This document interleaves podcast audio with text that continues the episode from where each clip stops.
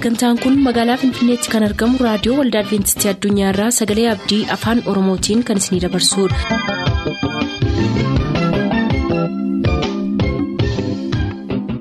nagaan waaqayyoo isiniif haa ta'u hordoftoota sagantaa keenyaa akkam jirtu bakka jirtan hundaatti ayyaanni waaqayyoo isiniif haa baay'atu jechaa sagantaa keenyaarraa jalatti kan nuti qabannee isiniif dhiyaanu sagantaa fayyaaf sagalee waaqayyooti jalqabatti sagantaa fayyaatii ittiin eebbifama.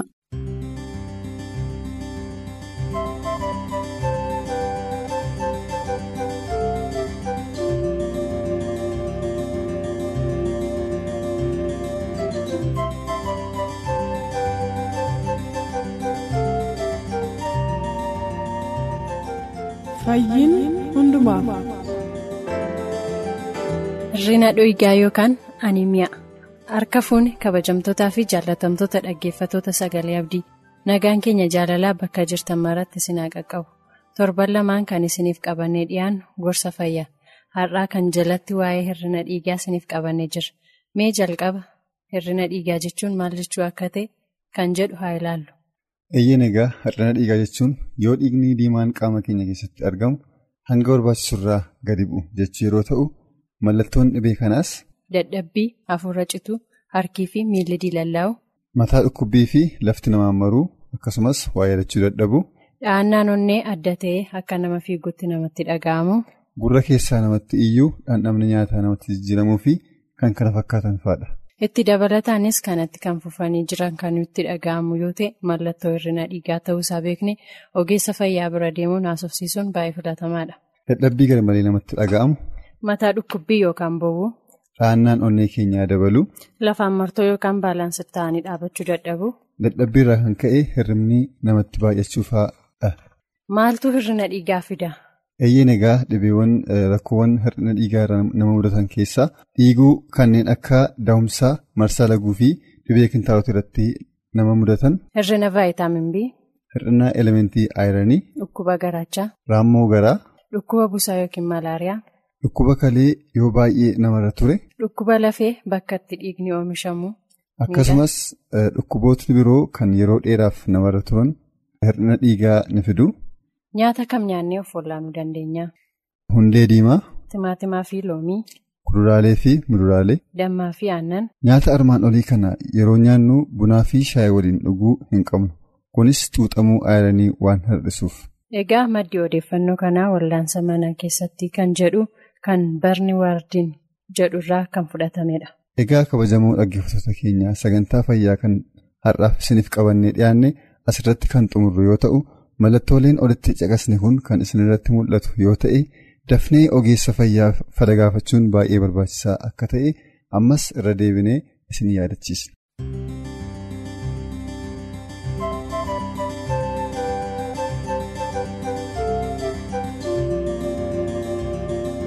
Maaliif dhibee kaleettiin miidhamna?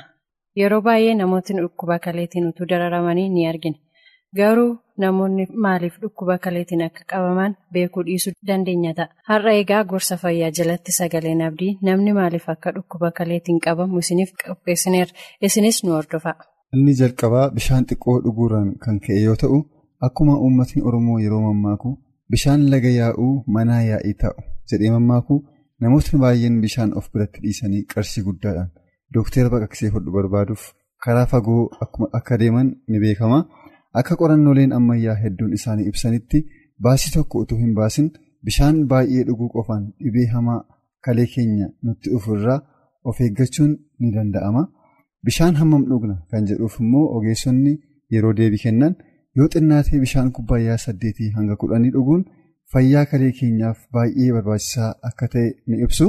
Dookteera bira deemnee qooda qoricha karaa tokko fayyisee karaa biraan madeessu qarshii hedduu dhangalaasnee hammaarrannee gallu.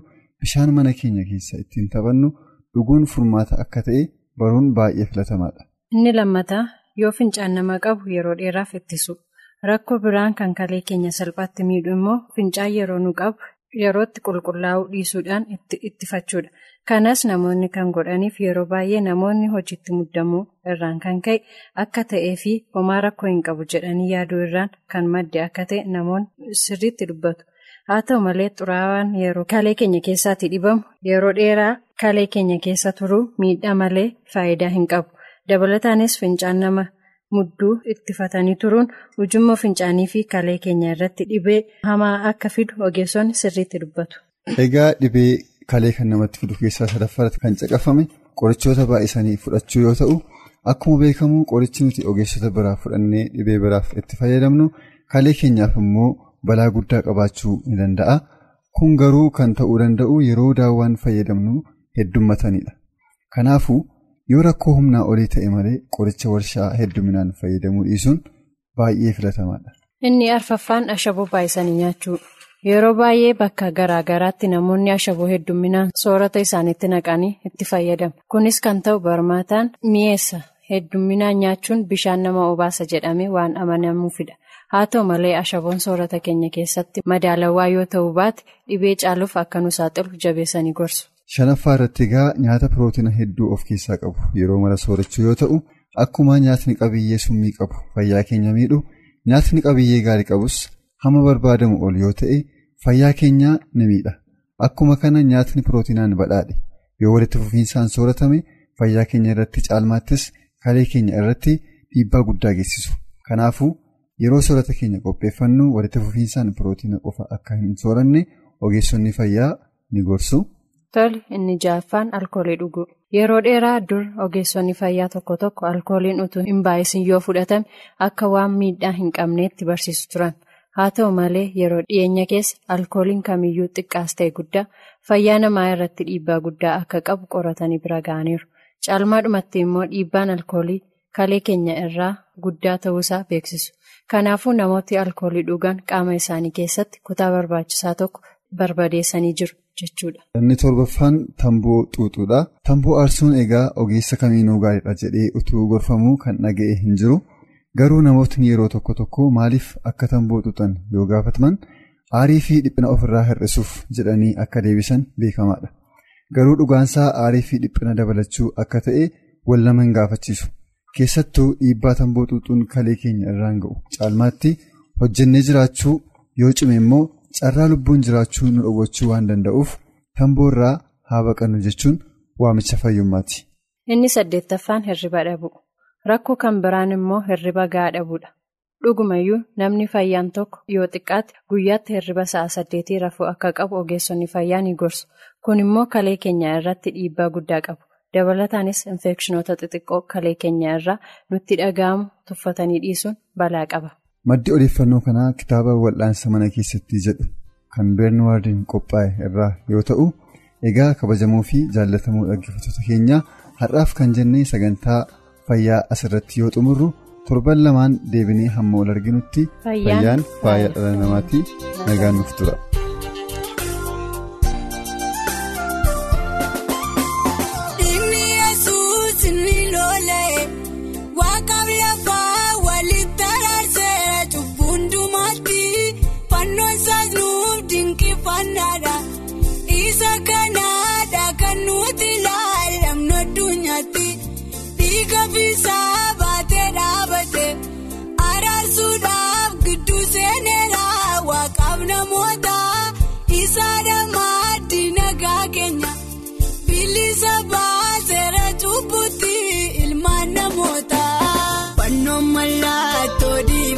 Dhiifamaati isaan waan godhan hin beekaniiti isaaniif dhiisii itti lakkaa'in cubbusaanii utuu waan godhan dhubaataniiti akka namitti jedhee booyaa abbaasaa kaadhate ilaali maadaa cinaacha koo isaan fannoo baadhees dhiinirraan faatiin dhiphiina koo isaaniin faayisuudhaaf jedhee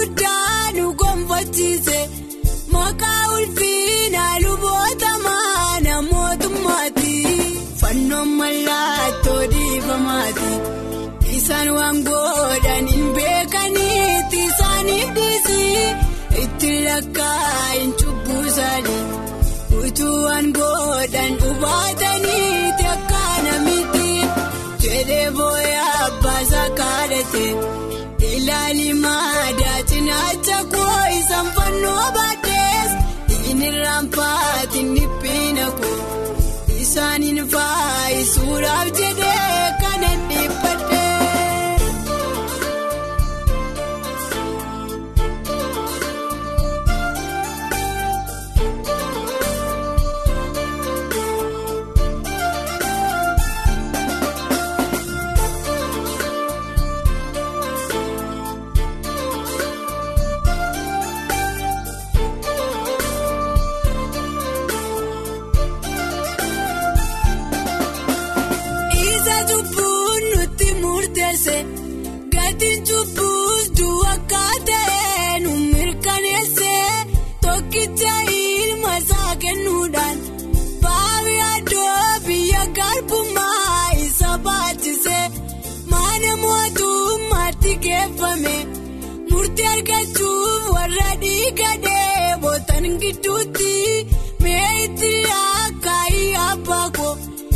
Isa wanta godhan kan hundumaan beekaniiti.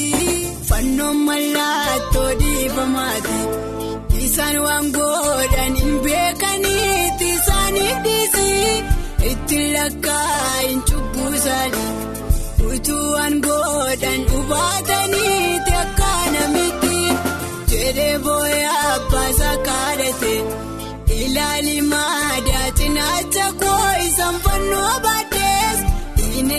raampaatiin dhiphiina koo isaaniin faayisuudhaaf jedhee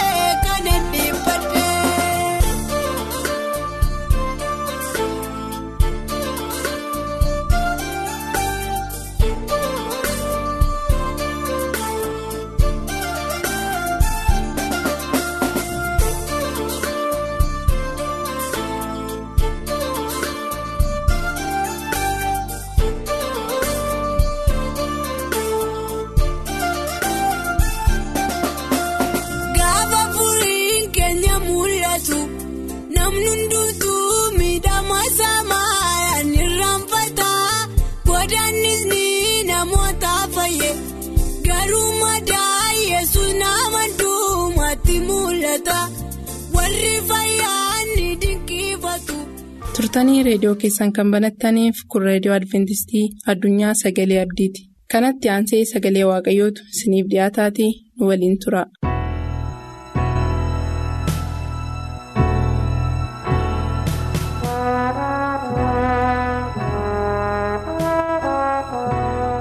Akkam jirtu kabajamtoota dhaggeeffattoota keenyaa bakka jirtan hundumaatti ayyaanni waaqayyoo isiniif haa baay'atu.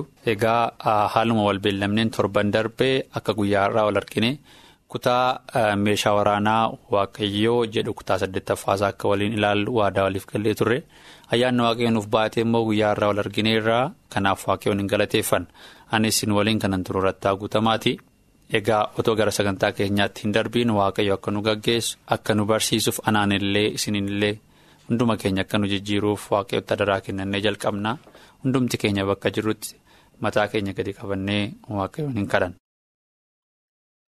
Yaa abbaa isa hundumaa dandeessu isa hundumaa gararraa jirtu kan nu jaallattu jaalala kee immoo ilma keessa tokkicha samaa irraa gadi buustee akka nuuf du'u gochuudhaan. Kan nutti argisiiste jaalala keessa guddaa sana kana hundumaaf galanni siif haa ta'u kana qofallee miti carraa sagalee kee dhageenye ittiin immoo barachuu waan nuuf kenniteef. Carraa kana namni kamiyyuu argachuu hin danda'u. Carraa kana yaalii keenyaanis arganne miti. Situ samaa irraa kennaa guddaa godhee nuuf kenne waan ta'eef.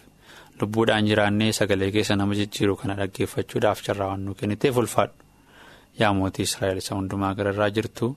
amma immoo anaanillee saba kee bakka garaa garaa ta'anii sagalee kana dhaggeeffataniin akka nu barsiistu sagalee kanaanis akka nu jijjiirtu jireenya guyyaa guyyaa jiraannu keessatti kana hojiirra oolchinee yaa abbaa koo lola hafuuraa isa guddaa sana isa yeroo hundumaa lola keessaa oollu sammuu keenya keessatti injifanne guyyaa tokko mootu dhuftu immoo samaa irratti si arguu akka dandeenyu uffati nu gargaari maqaa yesus kiristoosiin si kadhannee ameen.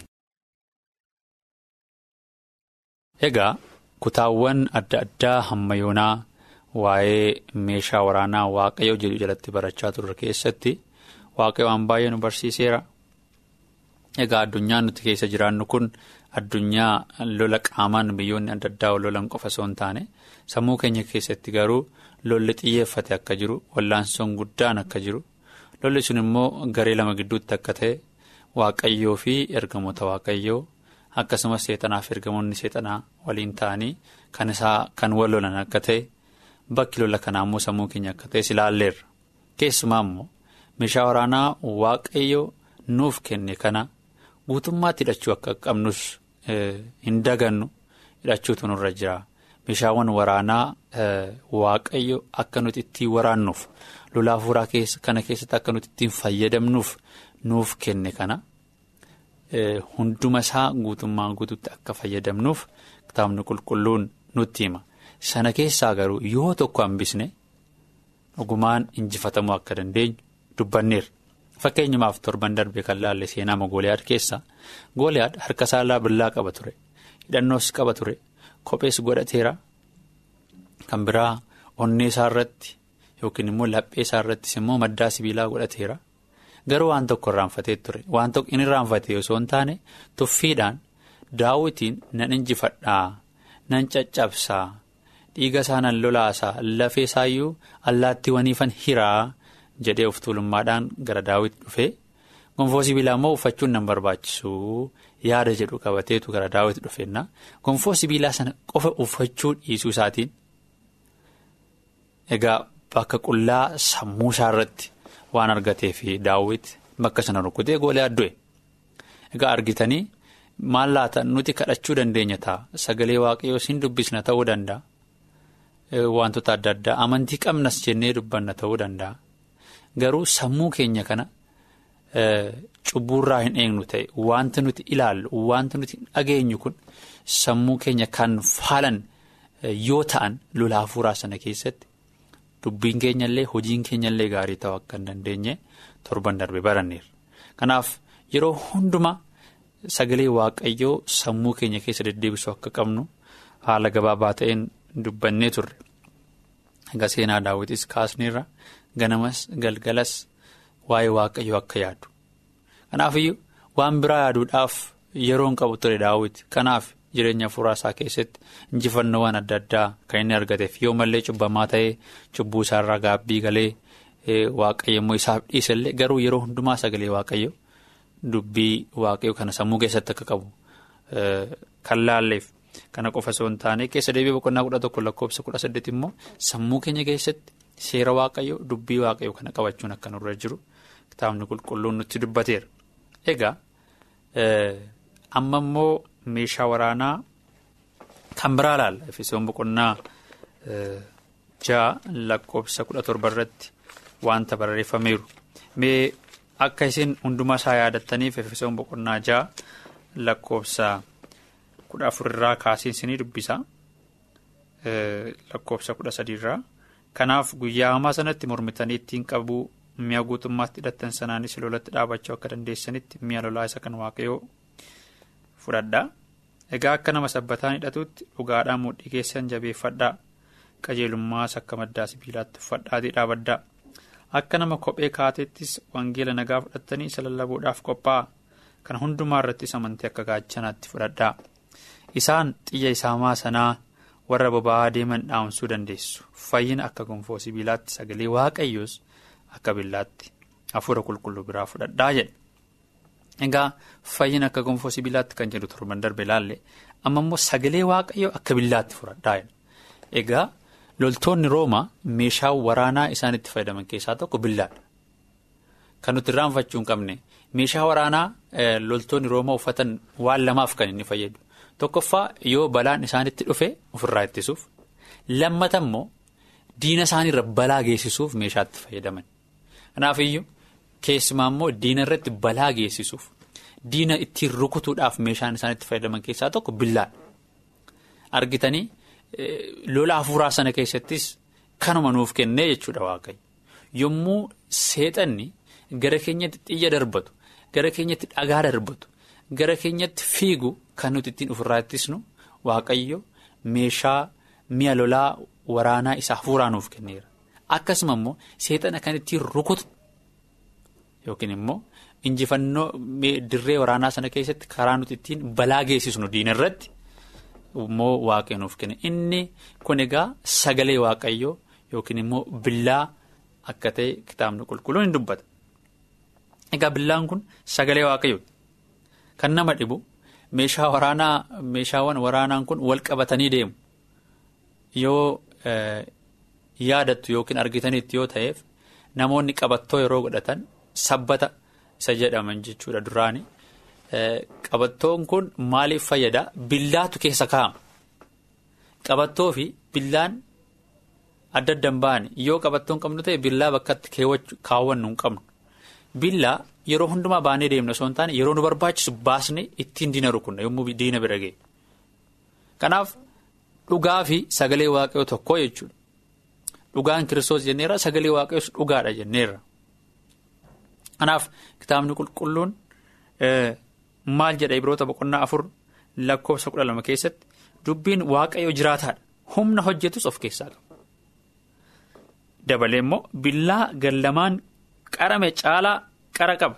Inni lubbuu fi hafuura buusaa fi dhuga gargar hin baasa. Yaadaa fi akeeka garaa namaas qoree faraduudhaaf hin danda'a jedha.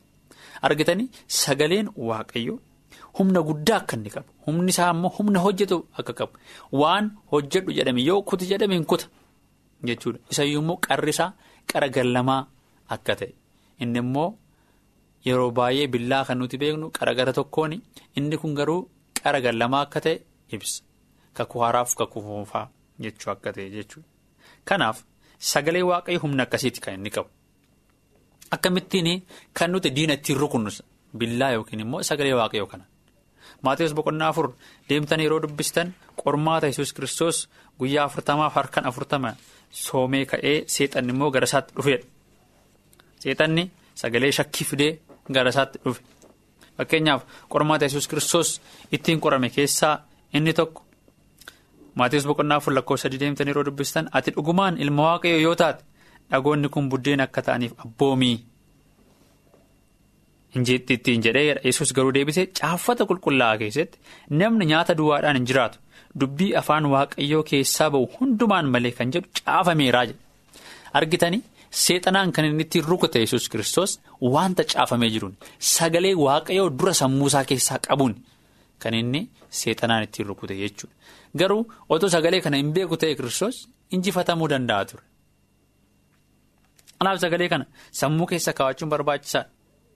ammas lammaffaa yommuu ilaaltan kan isin dhibugaa seexannis